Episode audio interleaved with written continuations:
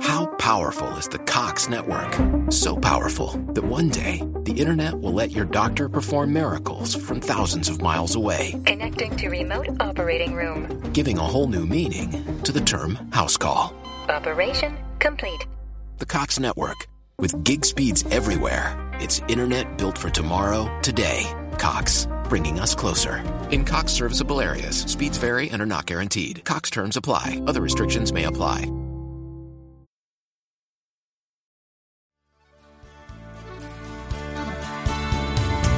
Seglade från Dalarö med dagens första bris. Att följa dagens första vind känns rätt på något vis. Det blåste friskt på nämnde fjärd. Vår far var jämn och god. Och då, just då blev jag ett med ditt rike. Då sjöng det i. Han kom som ett yrväder en aprilafton och hade ett Höganäs krus i en svångrem om halsen. Välkommen till Stockholms skärgård, platsen för några av August Strindbergs berättelser och dagens vandring på gamla och nya stigar. Hemsöborna utspelar sig till exempel på Hemsö, eller Kymmendö som ön heter egentligen. Säga vad man vill om Strindberg, men han var en makalös författare. Ingen annan svensk har haft sådan galen skrivklåda som den mannen. Och inte minst gäller det när han satte tänderna i Stockholms skärgård, den plats i Sverige han älskade över allt annat.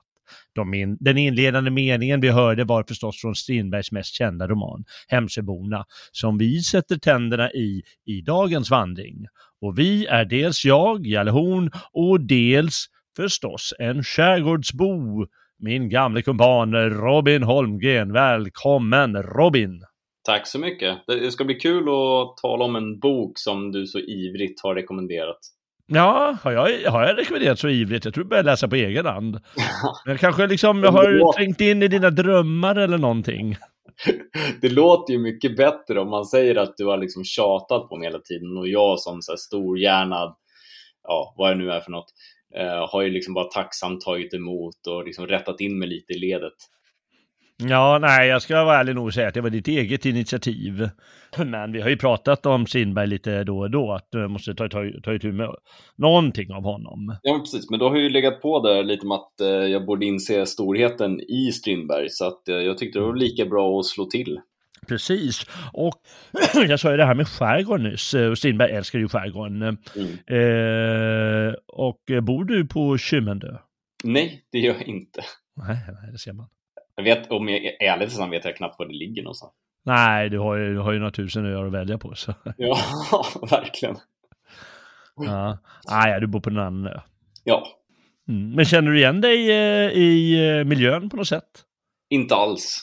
Eh, det, alltså, det, det, här är ju ändå en, en ögonblicksbild för över hundra år sedan. Så det finns inte mycket av det där kvar tycker jag.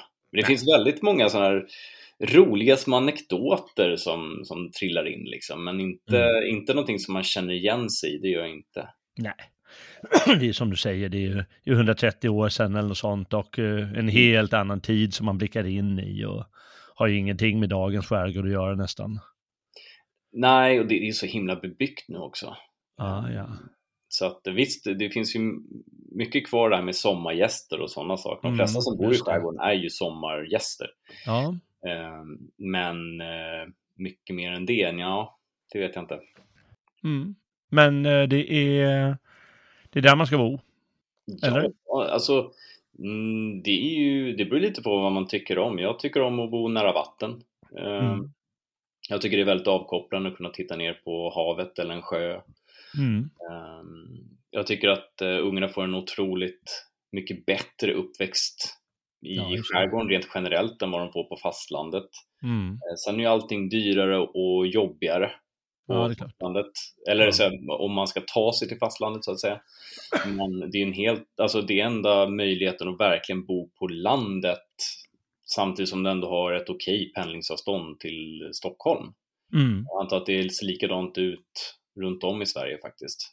Eh, Mm. Det Mm. finns Ja, intressant det där. få platser kvar som känns svenska Och skärgården är väldigt svensk och överhuvudtaget hela båtlivet är ja. väldigt svenskt. Ja, det är det förstås. Ja.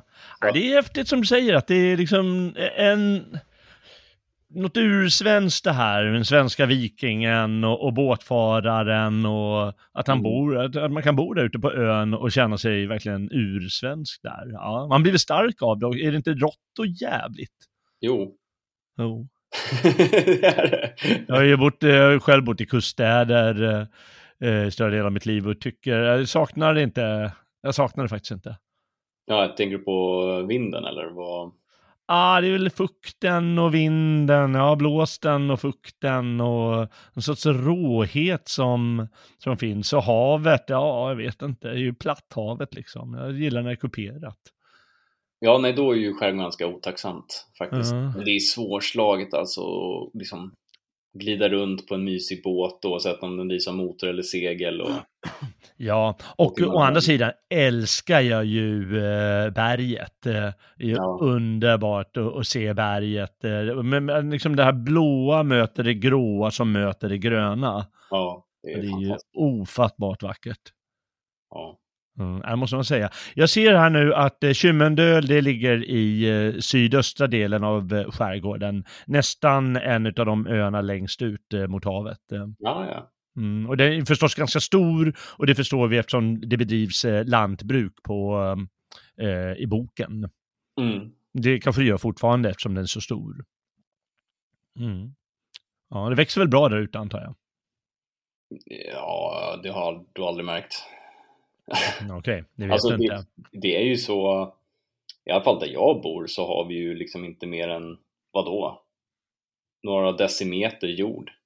Sen är det mm. hälleberg liksom. Ja, ja, ja. Så ja, det är sant. Eh, men visst, det är fortfarande odla saker där ute, men det är ju ingen, liksom, ingen grön oas av potatis och jordgubbar direkt. Det är nej, nej.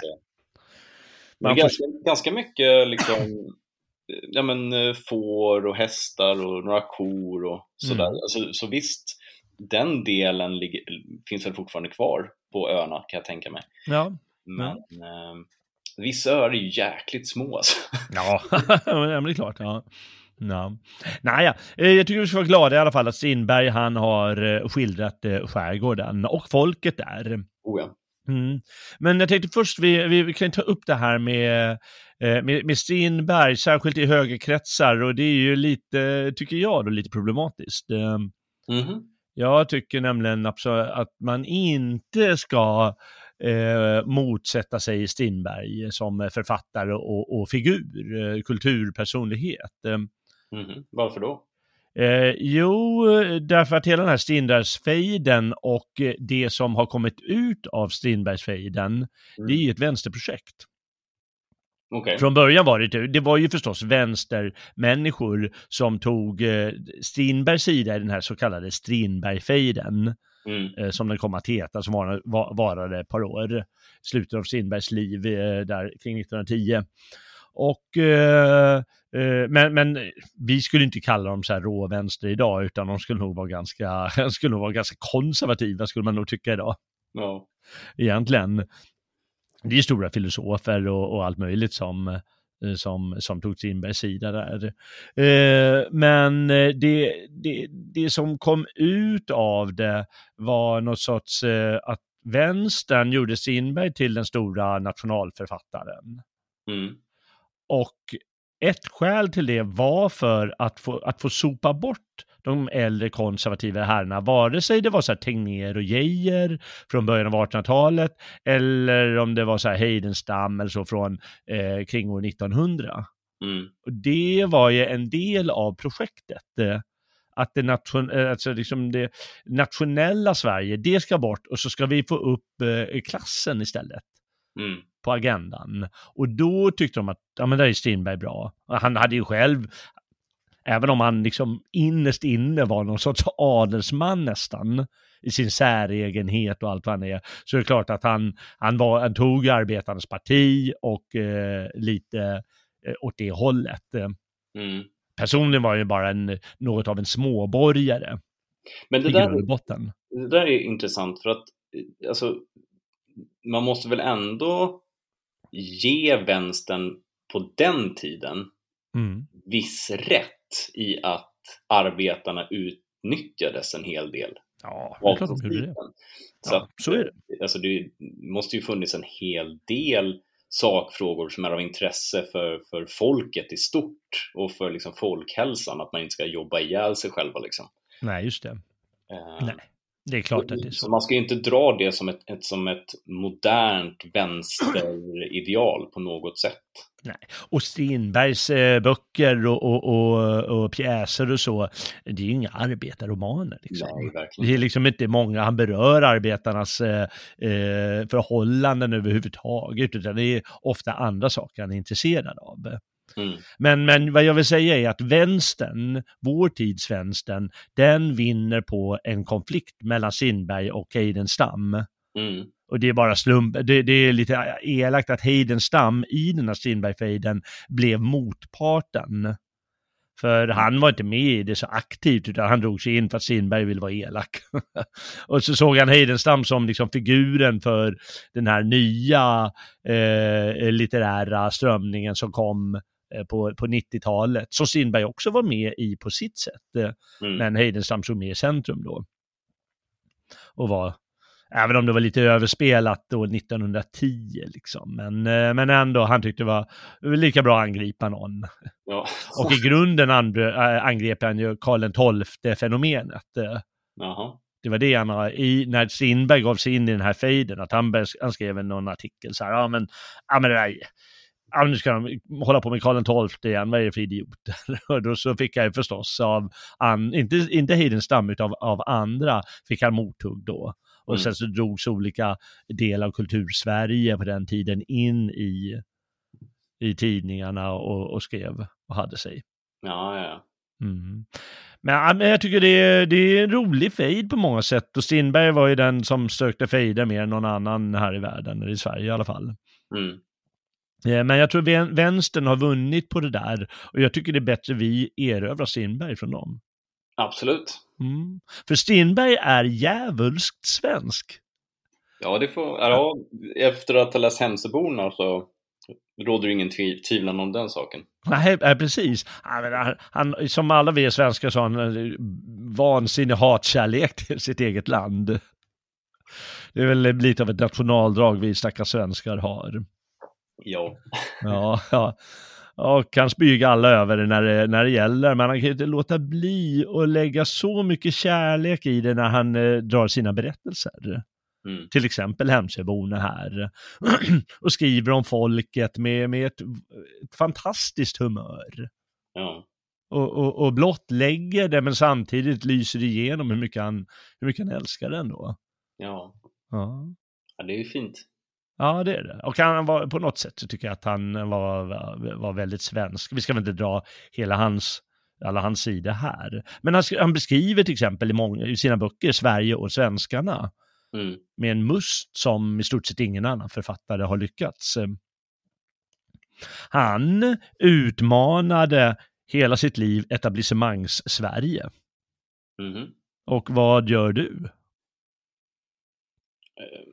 Eh, Är det nu jag ska säga jag utmanar också etablissemang Sverige? Just det, det ska du säga. ja. Ja. ja. Han är med i vår rörelse. Han är lite mer storslagen i den frågan än vad jag är kanske. Jag har väl Ja. bara gjort det länge. ja. Lite grann underifrån. Du, du, du kämpar i alla fall ja, på ditt sätt och eh, kämpar också mot etablissemang-Sverige som, som hela det fria Sverige gör. Ja, oh ja. Och eh, det, det finns ju en enkel sak och det är att man, man ska visa lite vördnad mot sina genier. Sen kan man ju lyfta fram andra framför, de, framför vissa. Mm. Om man gillar eh, Fröding eller om man gillar Bellman eller sånt mer än, än eh, Strindberg eller om man gillar Selma Lagerlöf eller sådär. Ja, då har, man har ju sina favoriter, men man ska visa viss, viss vördnad tycker jag mot även om man eh, har fått för sig att inte tycka om riktigt. Ja. För geni var han ju onekligen. Men, men vi kan också säga att han var ju en skarp kritiker av feminismen. Mm. Inte i den här boken, men eh, i, i, i flera andra böcker. Var vänster. Ja, ja, det är fascinerande. Han, eh, man kan säga att han var mot feminismen av, eh, för att han också, som jag skrivit här, var mot överklassdekadens. Mhm. Han såg nämligen feminismen som ett överklassdekadensfenomen, kan man säga. Ja, det ändå- handlar om puttinuttiga tjejer som ska slippa göra skitjobbet ungefär. Det är Ja. vad feminismen går ut på. De ska slippa hålla på med barnen och föda barn och allt vad det är. Det är fortfarande så. Det är samma sak. Feminister, feministerna, de vill sitta och skriva. De vill sitta och blogga, det är vad de vill göra. ja. Och då blir det rättvisa menar de. För då är det man som måste diska. ja. Ja. Och det skrev Strindberg på sin tid. Han skrev det ju, han, eh, han skrev det ju med, med humor, i- humorglimten i ögat. Så... Nej, det är många frågor där han faktiskt är, eh, är på eh, vad man kan kalla vår sida. ja. Mm. Det tror jag nästan de flesta svenskar var på den gamla goda tiden faktiskt. Ja, det är sant. Alltså vet inte, det, är- det, det är det som är så bisarrt i dagens sam, samhällsdebatt. Det, det är ju att det vi tycker är ju historiskt sett inte alls särskilt ehm, radikalt.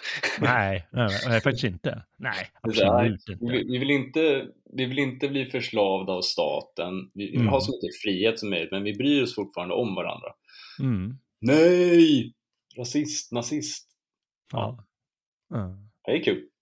Eller hur?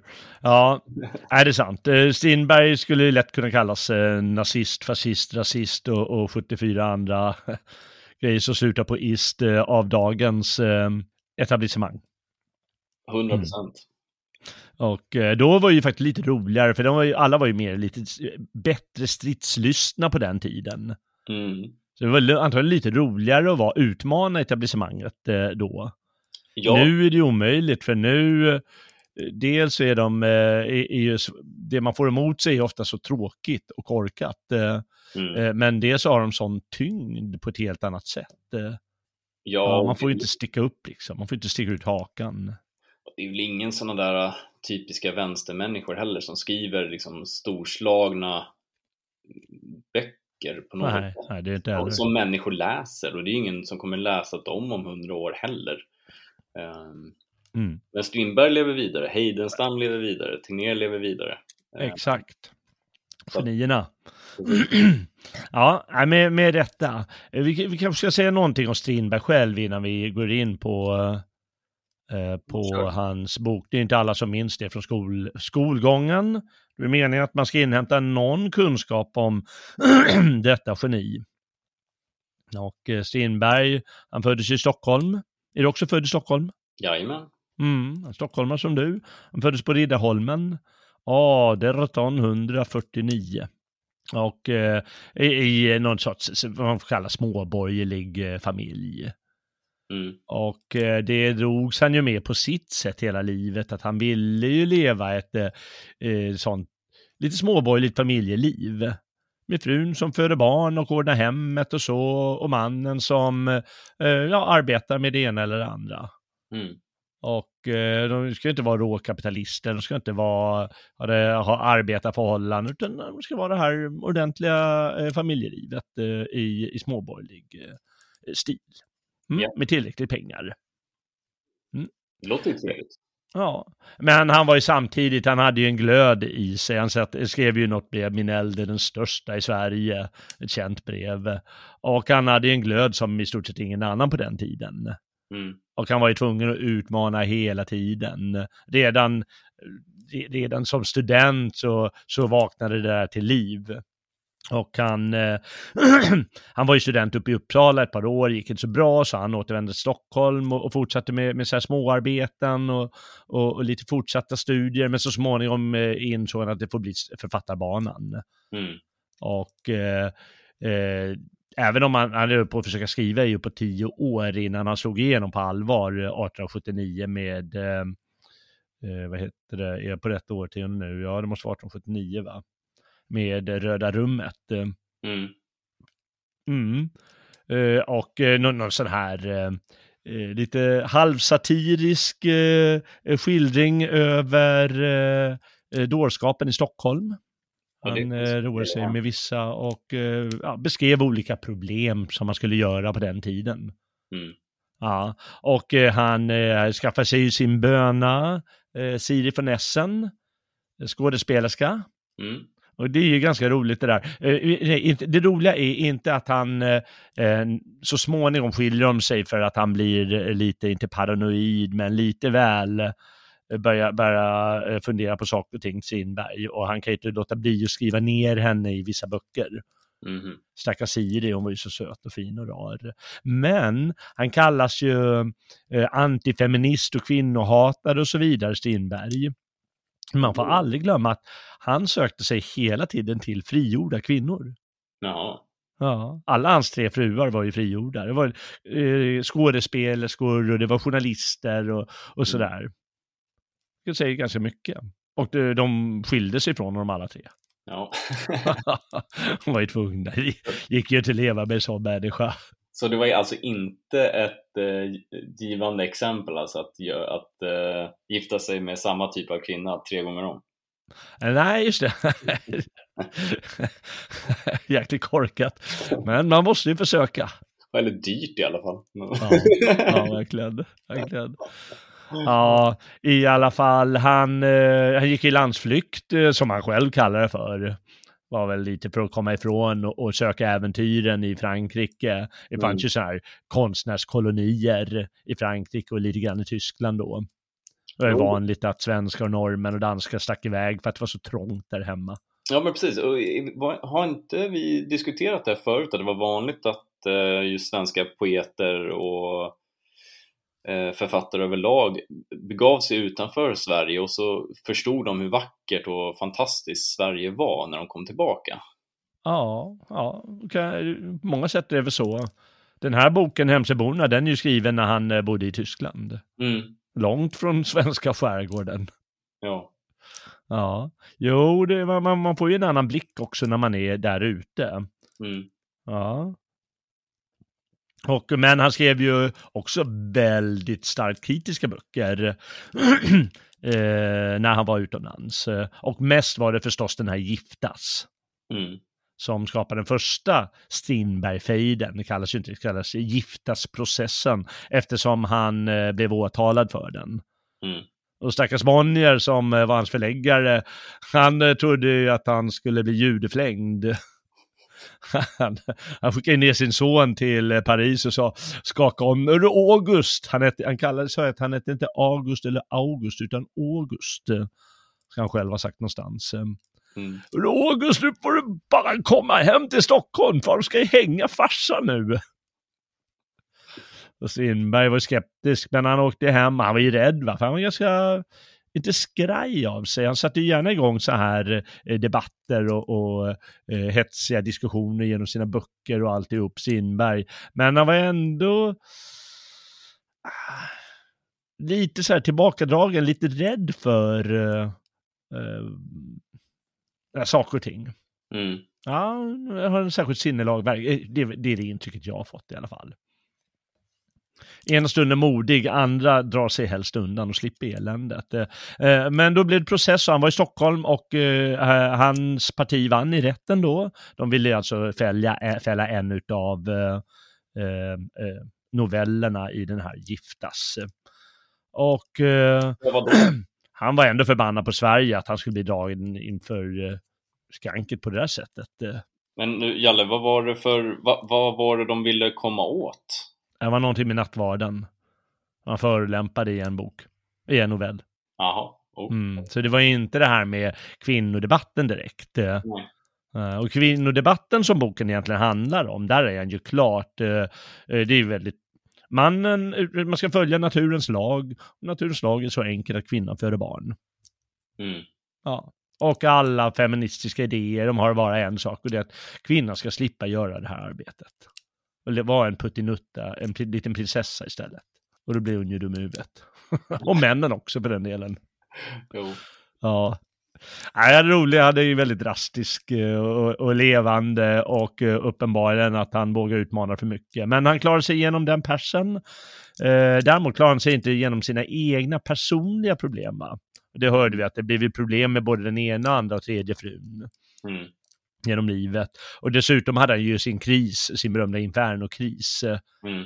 en svår andlig kris. Eh, eh, där han, eh, ja, folk trodde att han tappat förståndet delvis. Det har han väl gjort kanske lite grann, får man väl ändå säga.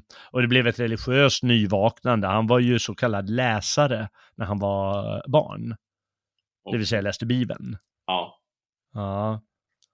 Och eh, religiöst nyvaknande. Tidigare var han väldigt kritisk till religionen. Han var ju närmast ateist.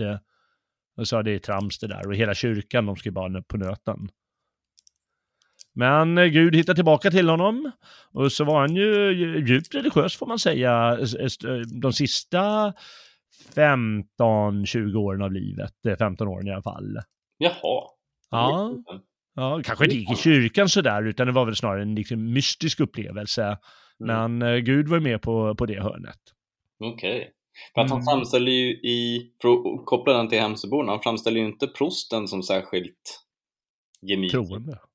Ja, men inte, jo, troende lär han ju vara, men, men inte så här i framstående dagar om man säger så. Nej, nej precis ja, utan han, han skojar ju med den här prosten. Ja, nej men den där prosten, jo men han målar ju upp det som typisk så här svensk landsortsprost som, eh, ja, är som folk är mest. Mm. Ja, så det är ingen så här eh, gudsfruktig man som eh, ärkebiskopen i Fanny och Alexander eller något sånt. Nej, okej. Okay. Mm. Utan han är ju förstås, eh, ja, så här, lite burleskt beskriven. Mm. Man säga. Eh, men, men han var i alla fall, han hade sin egen form av, av tro där på slutet och den var djup och allvarlig får man ändå säga. Och han hade liksom vissa kriser hela resten av livet får man ändå säga. Strindberg, det var inte samma Strindberg som på 1880-talet. Eh, eh, Nej. Men han skriver hela tiden och han skriver mer än någon annan svensk. Eh, ja, förutom de som skriver liksom så här jättemycket, jättelånga eh, romaner till höger och vänster. Det finns väl de också som skrivit mer, men av, av liksom då, så, eh, de som brukar hamna i litteraturhistorieböckerna, då är han ju absolut mest produktiv. Ja, man kan ju tänka sig bara hur mycket längre tid det tog att skriva förr i tiden. Ja, men inte för Stenberg, han var ju, han var ju den här eh, snabbskrivare. Han skrev ju med humör och skrev snabbt och klart och eh, till förläggaren med det. Ja, ja. ja. Men jag tänkte rent praktiskt så måste det ju tagit betydligt längre tid än att sitta framför en dator, tänker jag. Ja, jo, det tycker man ju faktiskt. Eh. Men jag tror att de skrev på ett helt annat sätt förr i tiden. Du vet, de här sortens människor, de skrev, Strindberg skrev tiotusentals brev. Ja, jo, det är sant. I sitt liv. Mm. Uh, jag tänkt på det där, det här brevskrivandet alltså, men det, man får tänka, det är ungefär som när vi pratar i telefon. Mm. Alltså man har någonting, man vill säga lite grejer och då skriver man ett brev, så ja, man skriver det här till honom, så har man en tanke och skriver man sitt brev och så kastar man iväg det. Och så har man en annan tanke och skriver man ett brev till en annan kompis man känner och så och skickar man iväg det. Ja. För man har ju inte telefon att kommunicera med. Och så vill säga lite roliga grejer sådär. Mm, skrev de brev. De skrev ju oerhört mycket sånt. Och jag menar, Strindberg samlar verk, det är väl på en 120 band ungefär, eller sånt, eh, i den senaste nationalutgåvan som började på, ja, var det början av 80-talet eller någonting? Wow, ja. Mm. Annars finns ju den klassiska i den här vackra gröna eh, eh, banden, Jan Landqvist-utgåvan tror jag den kallas. Den kom väl på 20-talet, eller 10-20-talet. Mm. Ja, den är väldigt vacker. Eh, men, men det är ju mycket, liksom 120 böcker. Sen så är det förstås, eh, en del kan man ju vara lite utan i så journalistiska texter. Det är liksom varje, varje sketen grej han har skrivit här, mm. förutom breven som är med i de här. Men det är mycket, det är liksom dramatik och det är vanliga berättelser och det är poesi och det är liksom rubbet och allting får man ändå säga att han förnyade, eh, eller liksom, ja, på något sätt förnyade svenskan och litteraturen på sin tid. Mm. Så han var ju genial på det sättet. Och det var det här att det kliar i fingrarna hela tiden. Jag måste skriva. Och eh, man märker när man läser honom hur, hur ordrik hans, eh, hans, eh, hans eh, ja, vi, vi kommer läsa lite och det kommer höras, tänker jag, hur, hur ordrik hans stil är. Men samtidigt otroligt snärtigt och levande och skrivet med humör och tycker jag i alla fall. Ja, oh ja. Alltså, ja. Jag tycker att eh, någonting som slog mig var att i slutet så blev det ju på riktigt spännande också. Ja, just det. Ja. Eh, kan det, bli. hade jag inte väntat mig. nej, just det. Okay, ja. Ja, men, det blir lite spännande på slutet, du har rätt i. Och eh, framförallt så liksom den tiden, de flesta då, de, de skrev ganska tråkigt, lite stelt alltså, lite för mycket jag vet inte, lite för torrt helt enkelt. Och så kom Strindberg och eh, skrev otroligt levande. Och det är mm. förstås därför som hans eh, böcker, forskarna, litteraturforskarna liksom framhäver hans böcker. Mm. Mm. för att han klarar av det, både i dramatiken, för scenen alltså, och mm. eh, hans prosa, och hans dikter också som är helt särskilda. Mm. Mm. Det är coolt. Eh, vi ska väl avsluta, eh, bara säga någonting om, om hans sista år i livet. Eh, han eh, gifte sig med den här norska skådespelerskan eh, kring sekelskiftet, eh, Harriet Bosse. Ja, den mm. berömda raggningsrepliken, vill ni ha ett barn med mig fröken Bosse? Ja, har du provat den någon gång? Nej, det har jag inte gjort. Nej, kanske funkar. Ja. Vet du, om du, om, om du plötsligt måste hitta en ny kvinna, då vet du vad du ska köra med. Precis. Mm. Men eh, det höll ju inte, utan eh, det gick också eh, Eh, gick, det, det slutade också med skilsmässa och så. Hon var ju självständig och bestämd och alltihop. Och han var väldigt så, eh, ledsen för det också, för han älskar henne väldigt mycket. Han älskar sina kvinnor. Mm. Samtidigt som han, ja, var som han var liksom. Svår mm. att leva med. Och eh, ja, fortsatte producera in i det sista och var den här Strindberg-fejden i slutet av livet. Eh, och eh, fann sig, det var ju i slutet av livet som arbetarklassen genom de största högsta hönsen i socialdemokratiska partiet och vissa intellektuella såg till att arbetarklassen tog åt sig honom. Ah, okay. Mm. Det var inte deras eget spontana kännande. Åh, Strindberg är min kille liksom. Mm utan givetvis formades det av de uh, av intellektuella. Mm. Och politiker, Hjalmar Branting och sådana personer. Ja, och då blev han ju storkändis eh, förstås i slutet av sitt liv och hyllades ju på sin 60-årsdag eh, av tiotusentals människor och, och eh, när hans kista skulle bäras till graven 1912, då var det också tiotusentals eh, svenskar som, är, som var ute och, och mötte upp och, och promenerade med på något sätt. Eh. Mm. Så han, han, blev ju väldigt känd då och eh, det, var, det är ju inte konstigt därefter att han har blivit liksom den största figuren i svensk litteratur. För eh, ja, han hade ju upp, uppenbarligen satt Sverige, inte i brand, men liksom att han höll på så mycket med sina tankar och med sina skrifter och så att det liksom gick inte, det, man kunde inte vara en vanlig människa utan förhålla sig till Strindberg på något sätt under hans levnad. Mm.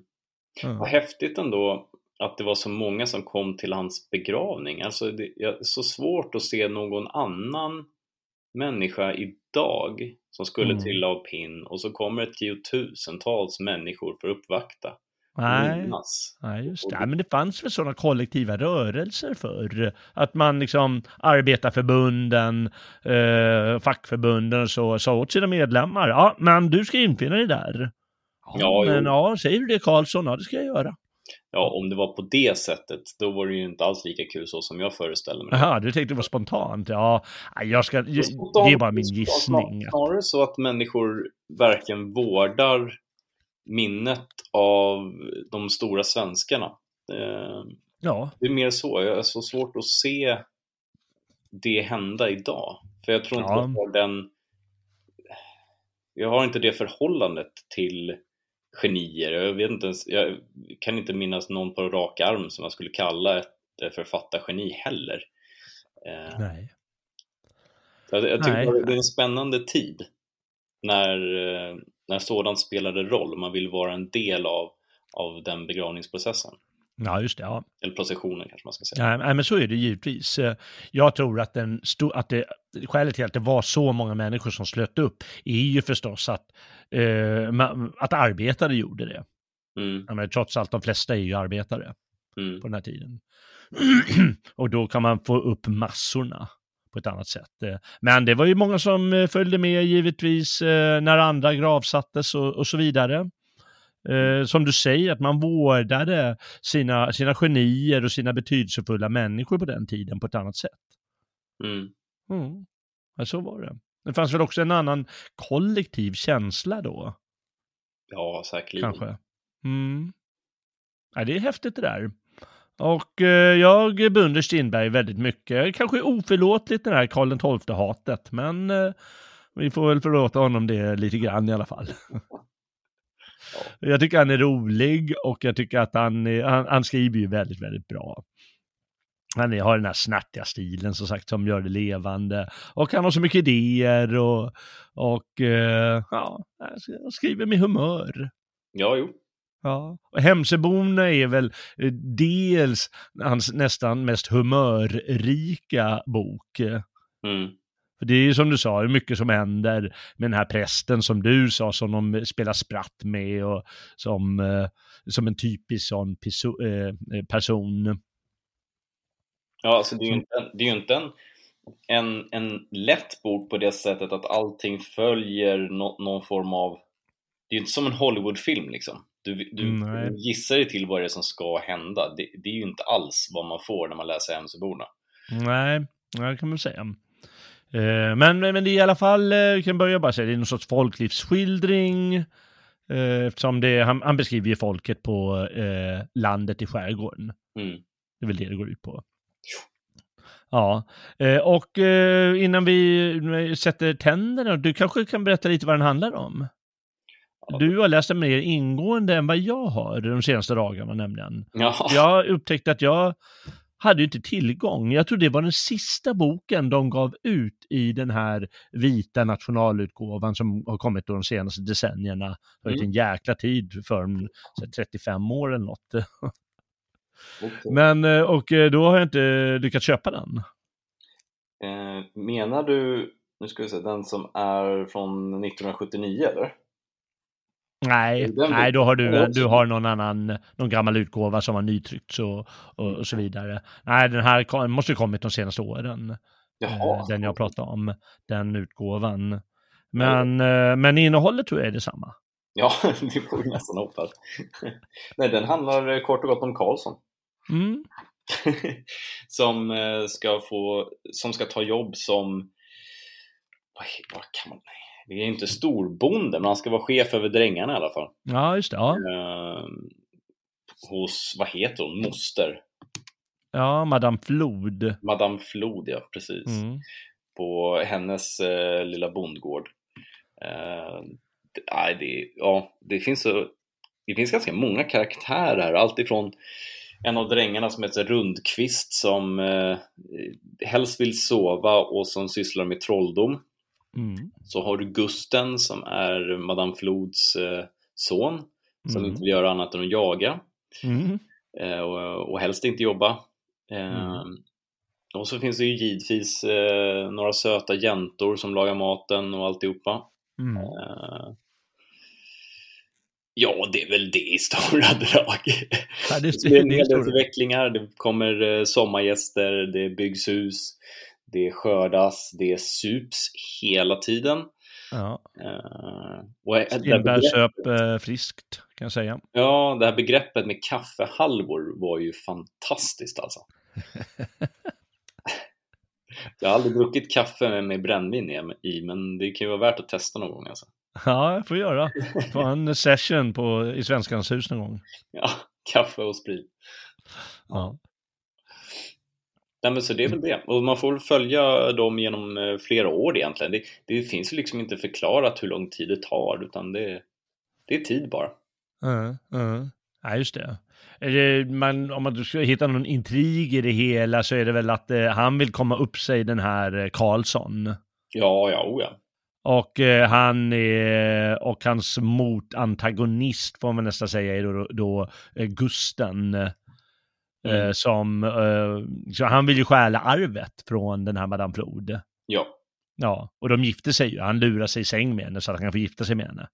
Men samtidigt så är det väl inte så där, det är väl inte så himla omoraliskt. Nej, det är, det, är, nej, det är inte så värst omoraliskt. Och Och han är väl inte Guds bästa barn, Augusten heller. Nej, nej precis. Och det är ju inte så att det finns något sånt där hat som glider ut heller på samma sätt. Nej. Det, det, det, är, inte, det är inte ont och gott i den här. Nej, nej, det är det ju verkligen inte. Vilket gör att den är väldigt fräsch att läsa. Ja, ja Mm. precis ja. Ja, det blir levande på något sätt. Det blir verkligt, det, det som händer. Ja men verkligen, verkligen. Ja, Alltså, det Men, är lite eh, av en så här kulturskatt där måste jag ändå säga. Alltså, det för det är otroligt häftigt att läsa hur, hur Strindberg förklarar den tiden som han skriver om. mm. Eh, det är väldigt charmigt alltså. Eh, ja men det är det faktiskt. Han fångar ju han fångar ju skärgården och han fångar de här människorna väldigt väl. ja. Ja, Jag skulle nästan inte vilja säga att det är så här, det är inte så jag tolkar i alla fall, som att det här är liksom Stockholms skärgård på något sätt, utan eh, Mm. det känns mer som att det här är, det här är Sverige under den Ja. tiden han beskriver. ja, Eh, kanske lite mer eh, segelbåtar liksom. just det. Just det. Mm. Sverige och segelbåtar. Nej, men du har helt rätt. Man, man, man, får, man får verkligen en inblick i, i det som du säger, den här tiden. Mm. Hur, hur, hur folk levde då, men också den här svenskens karaktär. Ja. Med till exempel den här, eh, de här söta jäntorna som du sa, eh, så, som ganska frigjorda, tycker Mm. man ändå får säga. Ja, oh ja. Alltså, Ja. det, det är ju inte slavar i hemmen direkt. Nej, nej precis. Eh, eh, och eh, dels då som du sa, prosten och det är väl på bröllopet eh, eh, mellan Madame Flod och eh, vad heter han, Karlsson, Mm. som han blir så jäkla tankad. Ja, Och då ska spela spratt med honom efteråt. Det är jävligt kul. vad, vad är det som händer då? Ja, nej, alltså prosten blir så jävla full och det är ingen som vill erkänna att han är full, allra minst han själv. För att just eh, prosten kan ju inte bli full, han, han är- har ju bara blivit sjuk. Ja. det är så jävla roligt när de tappar honom i vattnet. Ah, shit. ja, just det, de, de råkar tappa honom i vattnet. Ja, nej, det var... Ja, nej, men det det är roligt. Ja, Nej, men då har vi prosten och vi har den här lite eh, Gusten, han är ju inte klyftigast i stan. Han är väldigt driftig den här Karlsson ska man säga. Ja, oh ja. Som främlingen som kommer och rör om i nästet. Va? Det är gammal vanlig klassisk intrig. Ja, Och eh, värmlänning. hitta på saker och, och gör, gör att det funkar lantbruket. För det har väl gått lite i stå när, när gubben Flod dog. Ja, nej, men han är ju värmlänning också, så han är ju verkligen utsocknes. Ja, har precis. liksom- långt, långt därifrån. Inlandet verkligen. Och eh, att... Eh, och Karlsson då som den här lite, lite surmulna men eh, åsidosatte sonen lite. Mm.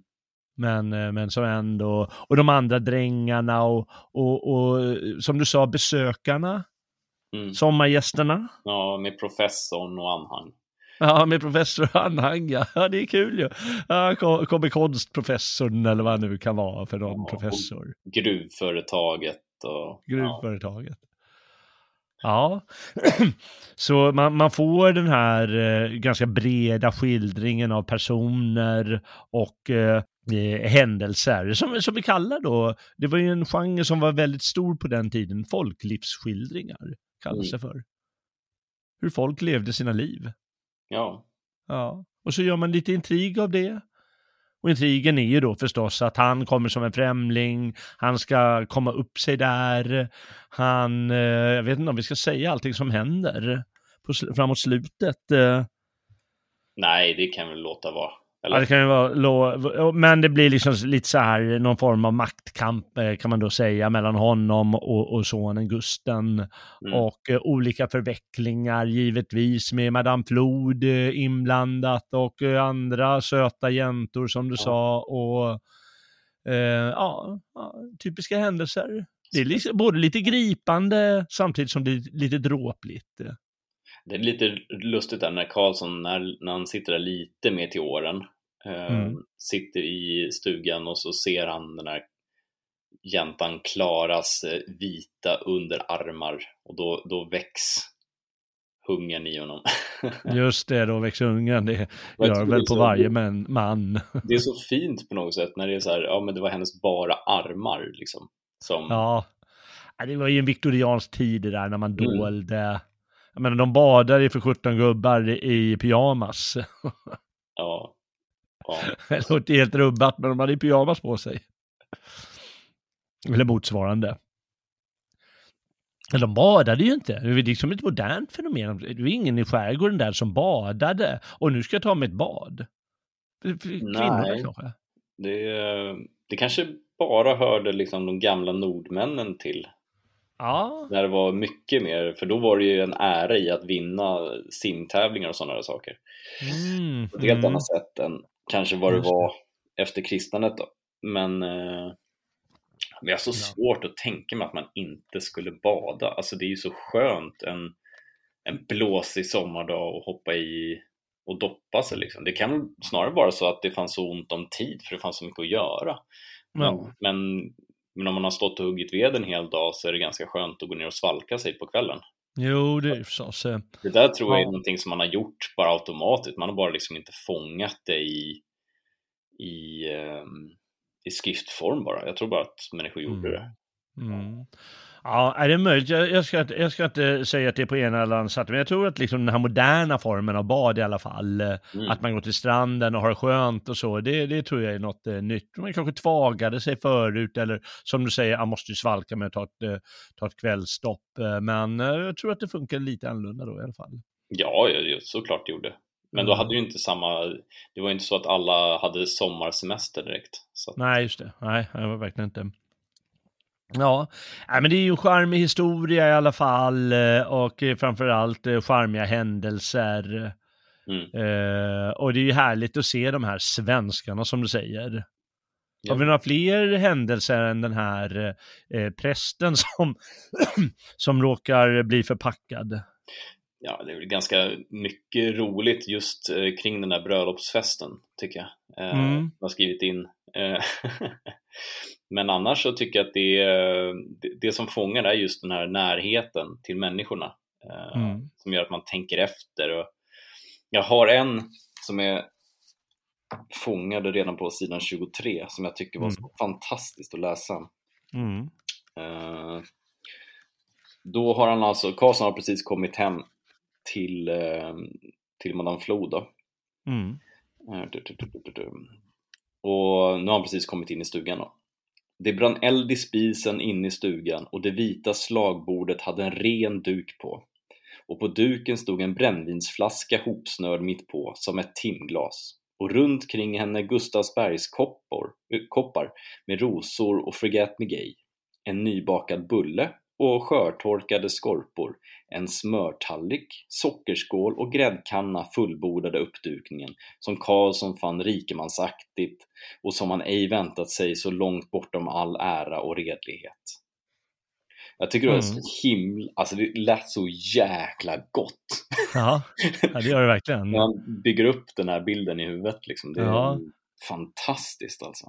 Men det här som du, bara de där raderna, eh, visar också på eh, typiskt Strindberg och den tidens eh, författare, att de skulle återge eh, massa detaljer i verkligheten givetvis. Eh, Ja, och det ska vi vara glada för idag när vi kan läsa. Det skulle jag verkligen. Jag gillar det där som du sa med eh, Gustavsbergs porslin med, med Förgät mig gay. Ja, Och, och vilken, men det är sån där liten detalj som, jaha, jäklar, det, det förgyller lite om det inte blir för, för belastat, så att säga, för mycket av det. Eller bara- Strindberg är väl, eh, han är väl svensk mästare på det där, att visa upp det på ett charmigt sätt. eller bara ha en eh, ren duk framme. Just Till skillnad från en smutsig duk. Ja, du ser, ja. Ja, det är ordvariation, det Ja. jag förstås. Det är Mm. fantastiskt. Mm. Jo, ja, men det var en väldigt viktig del det där. Dels att beskriva naturen. Mm. Du kanske har något, eh, någonting från naturen också? Ehm, nej, det som drar mig närmast är nog faktiskt själva skörden som jag tycker är fantastisk. Den, den Mm. beskriver väldigt mycket om hur det var att leva där. Mm. Ehm, nu blir det ganska långt här. Okej. Ehm, och så gick slaget fram, två dussin vita skjortärmar i en kil som höstflyttande svanor, med liarna häl i häl. Och efter i spridd ordning, som en flock fisktärnor, nyckfullt kastande, slängande, men ändå hållande tillsammans, kom flickorna med sina härvar, var och en följande sin slotterkar. Det susade om liarna och det daggiga gräset föll i knippor och sida vid sida låg alla sommarens blommor som vågar se ur skogen och hagen. Prästkragar och gökmat, kärblomster och horletta, Marie sänghalm, hundloka, ängsnejlikor, pukvete, musärter, pestilensrot, väpling och alla ängarnas gräs och halvgräs. Och det doftade sött som honung och kryddor och bin och humlor flydde i svärmar från den mördande skaran Mullvadarna kröp ner i jordens innanmäten när de hörde hur det brakade i deras bräckliga tak. Snoken kilade skrämd ner i diket och slank in i ett hål som en skotända. Men högt upp över slagfältet svängde sig ett par piplärpkor vars bo blivit trampat av ett klackjärn och i eftertruppen trippade stararna plockande och pickande allehanda kräk som kommit i, den brännan, i det brännande solskenet. Ja, det är ju fantastiskt, eh, måste jag säga. Ja, nej, men det, är, det är ju svensk natur där. Och det är levande beskrivet. Ja, jag blev väldigt sugen på att köpa en lie. Jaha, ja.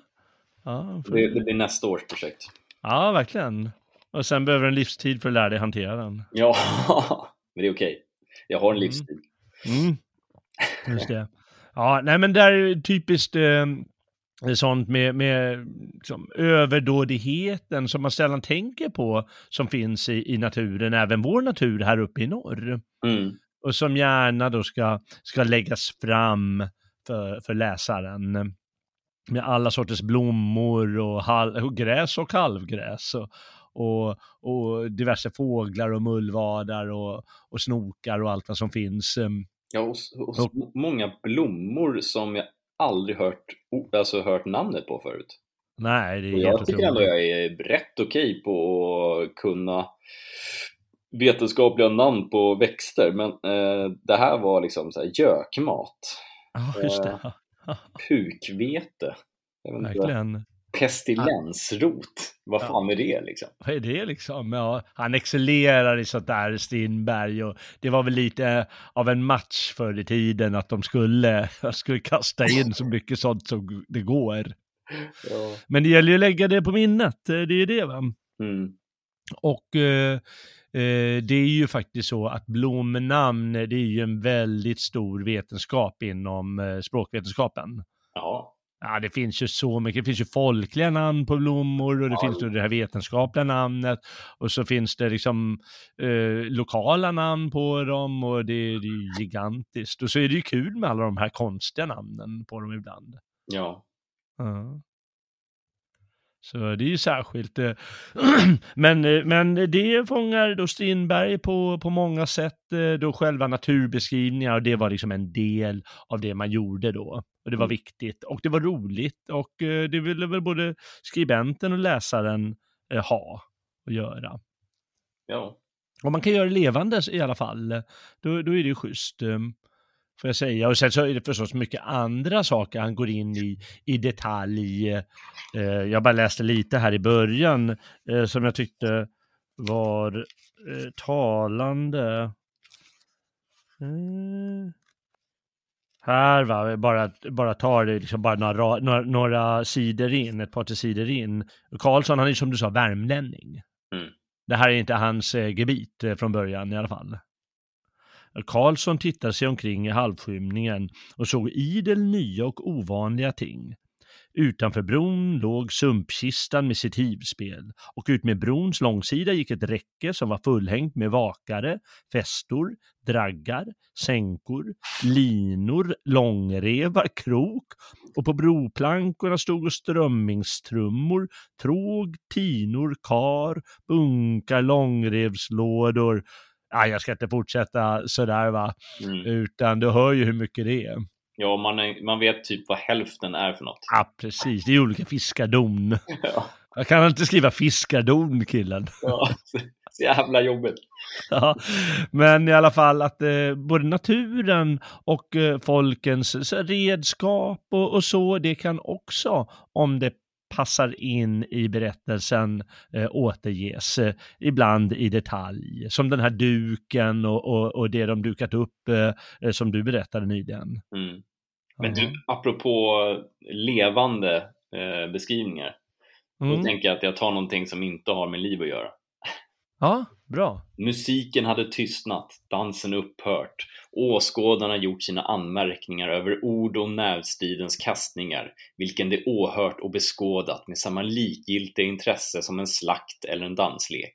Ehuru likväl det gamla funnit Karlssons angrepp mindre regelrätt enligt gammal slagsmålssed. Han hade alltså sparkat en kille mellan benen. Mm. Men plötsligt hördes ett skrik som sprängde hopen och röck alla ur feststämningen. Han drar kniv! skrek någon. Man kunde inte urskilja vem. Kniv! svarades till hopen. Inga knivar! Bort med kniven! Och kämparna omringades. Norman, som lyckats få upp sin fällkniv, avväpnades och ställdes på fötter sedan Karlsson ryckts lös ifrån honom. Ni ska slåss gossar, men inte knivas, avslutade gamla svinnrockan drabbningen.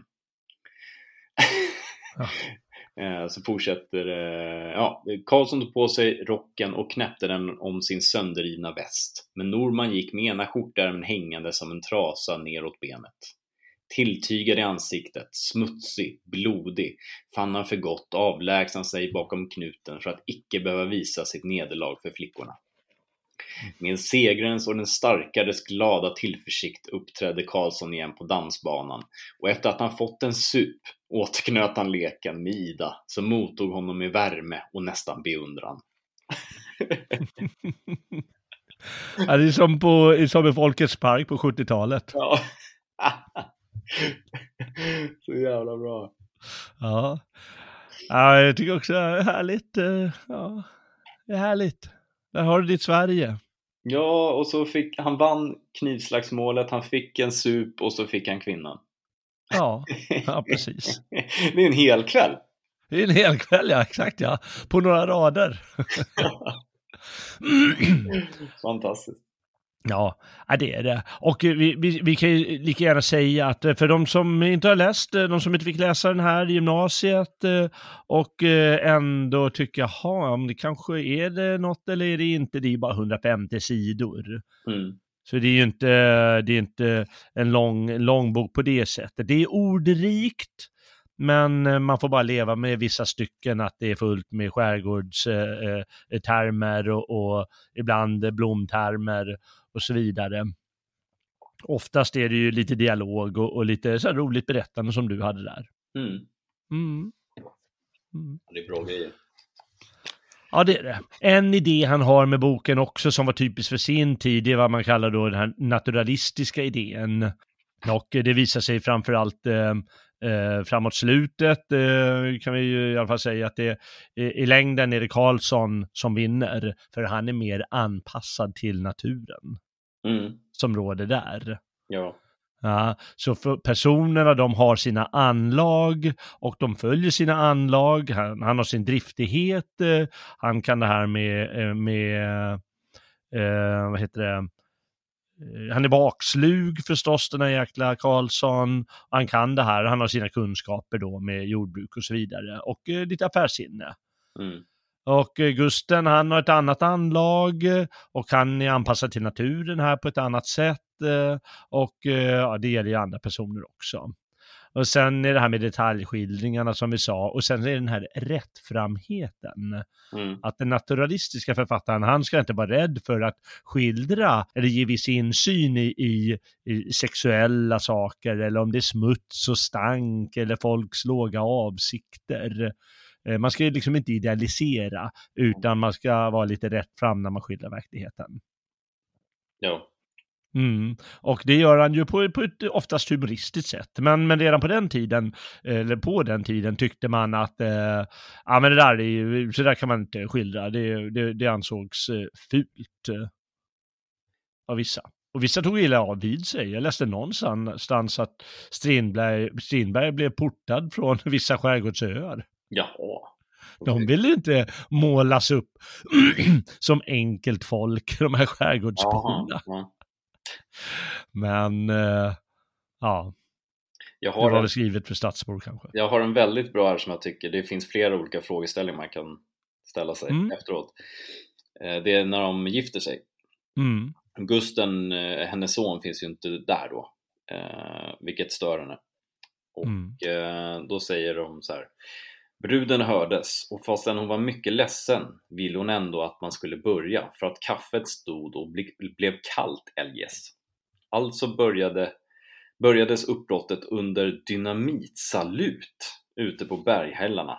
Spelman hartsade och skruvade. Pastorn fick på sig kappan, brudsvännerna bildade förtravet och pastorn ledde bruden som var klädd i svart siden med vit slöja och myrtenkrans och var hårt snörd så att det som, som skulle döljas blev än mera synligt. Och så tågade man upp till professorns under fiolens gnissel och bergskottens knallar. Eh, jag tycker det är ganska charmigt när bruden säger att Nej, men vi kan väl köra igång eh, giftermålet nu för att kaffet börjar bli kallt. På något sätt så, det, det där är så sant. Verkligen. Alltså, det är ju så vi tänker, vi Mm. Alltså Mm. på riktigt så ja, ja. tänker vi så. Ja. Och det är Det helt rubbat, vilka idioter vi är, men Ja, ja, men det, det hör bara till. Men, men ja, ja, det hör ju till faktiskt. Ja. Dynamitsalut, Ja. det har jag aldrig hört. Jo, men det hade vi ju Pan också. Hade vi? Hamsuns Pan, ja men då ska de, jag vet inte om vi drog det i avsnittet, men då ska de i alla fall, eh, de ska salutera att, eh, vad heter han, eh, han ska åka iväg, eh, den här professorn eller forskaren eller adelsman eller vad han var. Ja. Och då kör de dynamitsalut. Jaha, Ja, ja, det hade, jag, det hade jag totalt glömt bort. Ja, nej, men- nej, det var väl någonting man gjorde för helt enkelt mycket mer. Det, saknar jag liksom. Ja, jag vet att de, de skjuter ju med, med hagelbraken och sådär ganska titt som tätt när man Ja, säger hej och hej då. Eh, Ja. Vilket är lite lustigt, men, eh, men just att man smällde dynamit liksom. Ja. Nej, det, nej, man gjorde väl Ja, det för att, liksom, för, som, en, som en salut helt enkelt. En Ja. salut är ju en salut. Jo, jo, men va? Ja, dynamit, ja, ska, ska det vara ska det vara. jo, jag tänker bara hur det hade blivit nu. Ja. Nej, det var väl en helt annan mentalitet då. Jag minns detaljer från flera böcker så här, slut, eh, under 1800-talet, mitten av 1800-talet, slutet av 1800-talet, där de Ja, men när de har druckit sina skålar så här på kvällen, då ska de slänga in alla glas i brasan så det går sönder och, och jäv, eh, jävelskapet. Mm. De ska krossa flaskorna. och då är det liksom, jaha, men nu ska vi markera att vi har gjort någonting. En liten salut eh, för vår, vår, vår supning. Ja. Det här är salut på grund av att de har gift sig och så. Ja. Och så är det ändå, liksom det så här, det är skithäftigt. Du har ju det här med dynamitsaluten som en så här stor brakande grej va, för att fira, eller liksom manifestera att nu har det blivit bröllop, det är, det är fantastiskt. Och så har vi det här samtidigt att, ja men det får gå undan för, vi, för annars blir kaffet kallt. Ja. Det är, Båda två liksom, båda de här konstiga sidorna. ja. Och mängden, s- alltså, när man inser hur mycket de super så är Ja. det ju, alltså, du vet, hålla på med dynamit. Mm. Det var ju, man, man kallar det punschtiden va. Ja, De drack ju den här förbannade punchen. ja, men det är så förbaskat gott alltså. Ja, men kanske inte riktigt den mängden som de söp då. Jag skulle nog ha svårt att, att dricka punch var och varannan, var och varannan minut. Ja, om jag inte missminner mig också så, alltså deras brännvin var ju mycket svagare än Ja, det var svagare förstås. Ja. nu, liksom. Mm. såklart. Mm. Men, Ja. men ändå, alltså det är jävla vad det sups. Ja, ja, nej, det är ett jävla supande alltså. Det är ju den här bonde... eh, Det är väl bönderna eller gammal, ja, gammal tradition. Mm. Ja, Livet är besvärande då gäller det att supa till. Ja, men vem, vem skulle vilja ha liksom brännvin till frukost? Ja, herregud. Och nu ska vi... Ja, bonden gör ju det för att eh, det är så jäkla jobbigt här på åkern. Kommer bondmoran ut eh, klockan sju på morgonen när han har dragit några varv med plogen. Mm. Ja, nu är det bäst vi tar en, en eh, sup gammelfar. Och så tar de en sup tillsammans. Ja. Och det kan man ju ändå förstå på något sätt, men det här som du säger, de lever relativt vanliga liv, Mm. vardagssupandet till, på frukt till frukost. Herregud. Ja, Sinderberg dog ju när han var 62, så ja, det, det gjorde väl sitt det där supandet. Jo, det är väl så. Mm. Har du något eh, avsnitt med det med supandet eller? Oj, varenda sida i den här boken. Varje sida. Eh, det är när de ska supa den här uh, pastorn under bordet. Mm. Just det. Nu kom spelman som haft mycket svårt att sitta i det, i det obemärkta upp till högsätet och betydligt stärkt i sitt mod av kaffehalvor vill han tala musik med professorn. Ber om förlåtelse, herr kammarmusikus, hälsade han och knäppte på sin fiol. Si, vi har liksom lite gemensamt, för jag spelar också, på mitt vis förstås. Res åt helvete, skräddare, och var inte oförskämd, avsnäste Karlsson. Ja, ja, jag ber om förlåtelse, men inte för att det rör Karlsson. Men känn på den här fiolen, herr kammarmusikus. Känn på den och säg mig om den inte är god. Den har jag köpt hos Kirchen och den har kostat mig tio riksdaler banco. Professorn knäppte på kvinten, log och utät sig vänligt. Micke sken. Ja, si så är det, när någon förstår sig på. Då kan man få höra ett sant ord, men att tala om konst med det här, han skulle viska, men röstmedlen vägrade sig till nyanseringar och han råkade skrika istället. Det här jävla bondbassarna! Ge skräddaren en spark i ändan, hördes korus. Hörru, du får inte bli full, skräddare, för då blir det ingen dans av. Rapp du, du ska se efter spelman att han inte super mer. Har jag inte blivit bjuden på supa kanske? Och är du snål, din skinnare? Sätt dig Fredrik och var lugn, menade pastorn, för annars får du stryk. alltså, det är så jävla bra. Ja, på, polare träffas och, och pratar på det här viset med varandra. Så man bara målar upp den här bilden att alla är pruttfulla och så Ja, är det en spelman som börjar bli lite för full och så Ja. gör han bort sig och så hotar man honom med stryk. Det är, ja, det är ett, det är en fest här alltså. Mm, nej det är det. Ja, så är det där ute i skärgården, vet väl du. Ja, jo precis. Ja, det är ju alltid fest va? Alltid fest. De är alltid drängfulla. Ja, verkligen. Ja. Nej, men de var väl, de var väl helt enkelt, eh, det var lite annat vard- vardagssupande då och eh, ja, umgicks på ett annat sätt med spriten. det är väl kanske tacksamt att inte leva då ibland. Ja, du. Mm.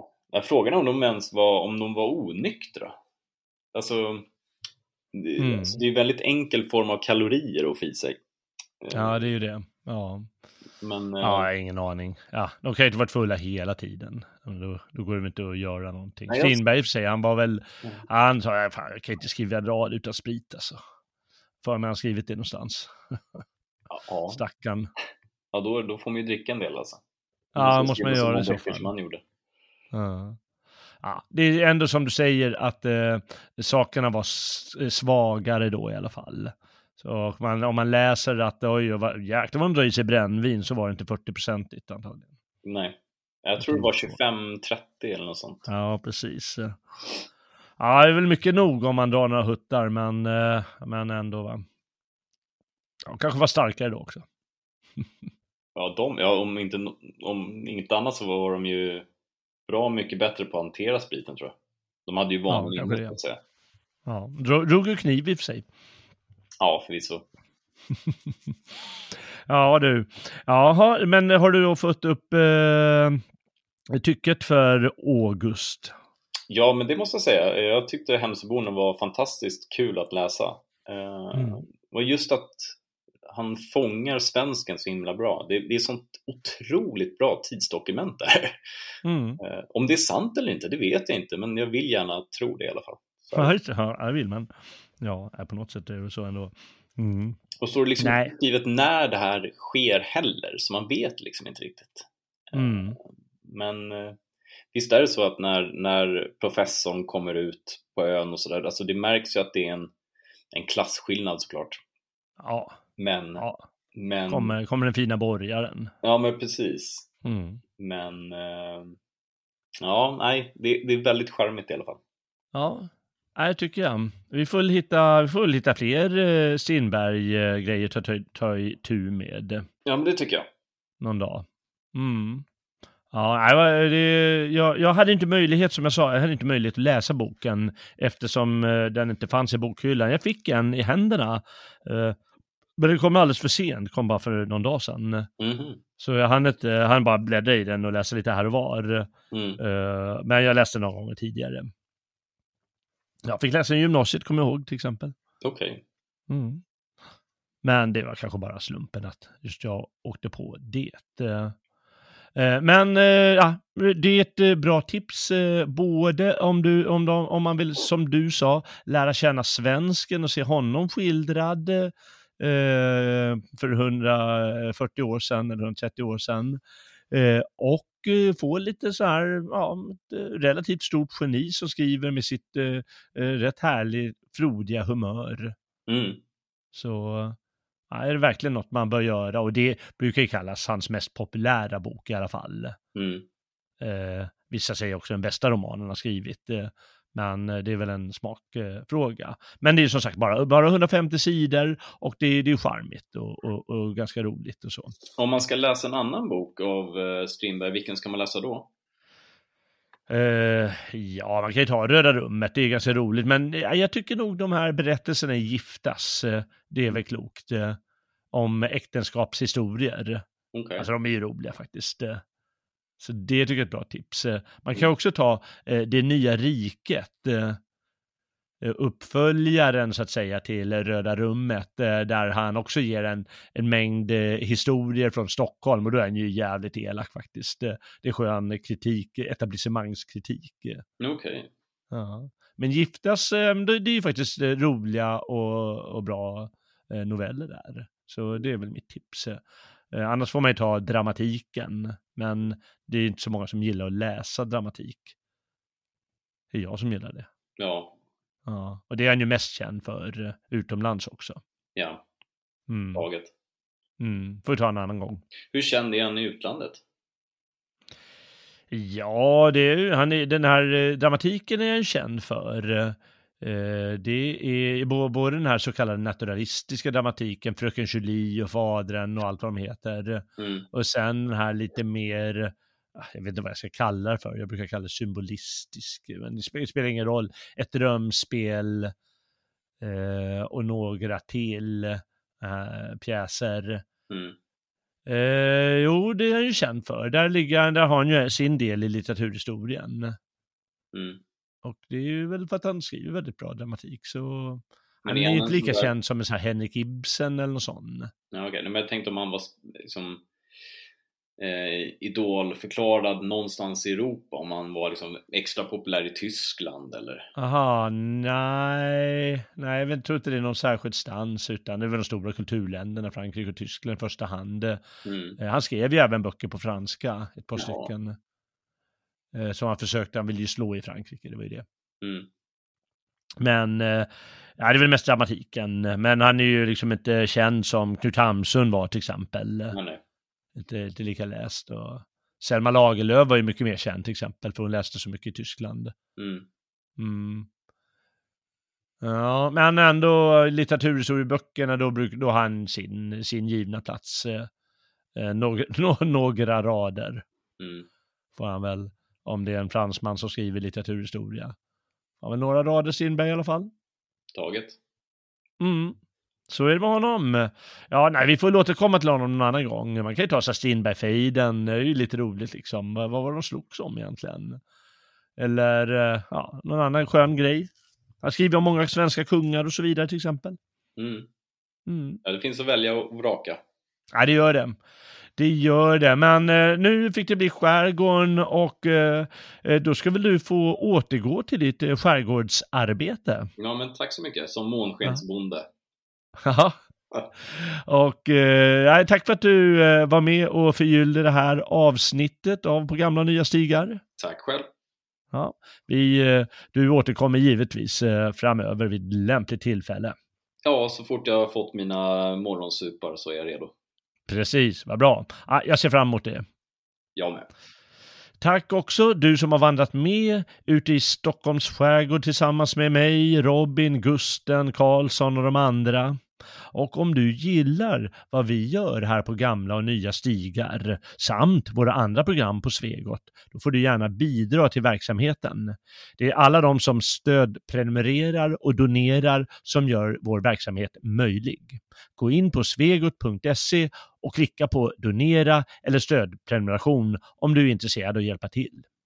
Där kan du också kolla in på alla våra andra program. Följ också gärna med på nästa vandring här på stigarna som slingrar sig fram längs vårt älskade Sverige och Europa. Jag ser fram emot nästa äventyr på stigarna. Hoppas du gör det också. Väl mött Frände. Jag älskar dig, o grönskande skärgård, mitt juniblåa hav. Du gör mig så oändligt rik kan du säga vem som gav dig din friska doft av salt och tång, din drömmande solnedgång? Jag ber dig lev för alltid i mitt sinne, bli en ton i min enkla sång. Jag ber dig lev för alltid i mitt sinne, bli en ton i min enkla sång.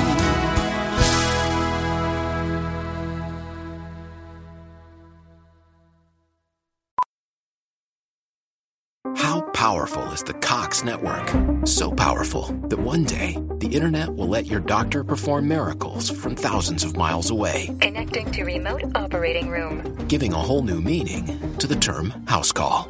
Operation complete. The Cox network. With gig speeds everywhere, it's internet built for tomorrow, today.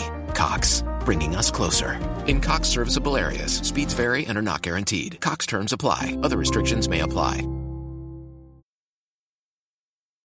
Spring into savings at your neighborhood BJ's. From April 25th to May 22nd, save $4 on select skincare products only at BJ's, like Neutrogena makeup remover wipes, Beach Defense sunscreen, and retinol regenerating cream. Lubriderm 24 hour non greasy moisturizer, and Aveeno Daily Moisturizing Lotion.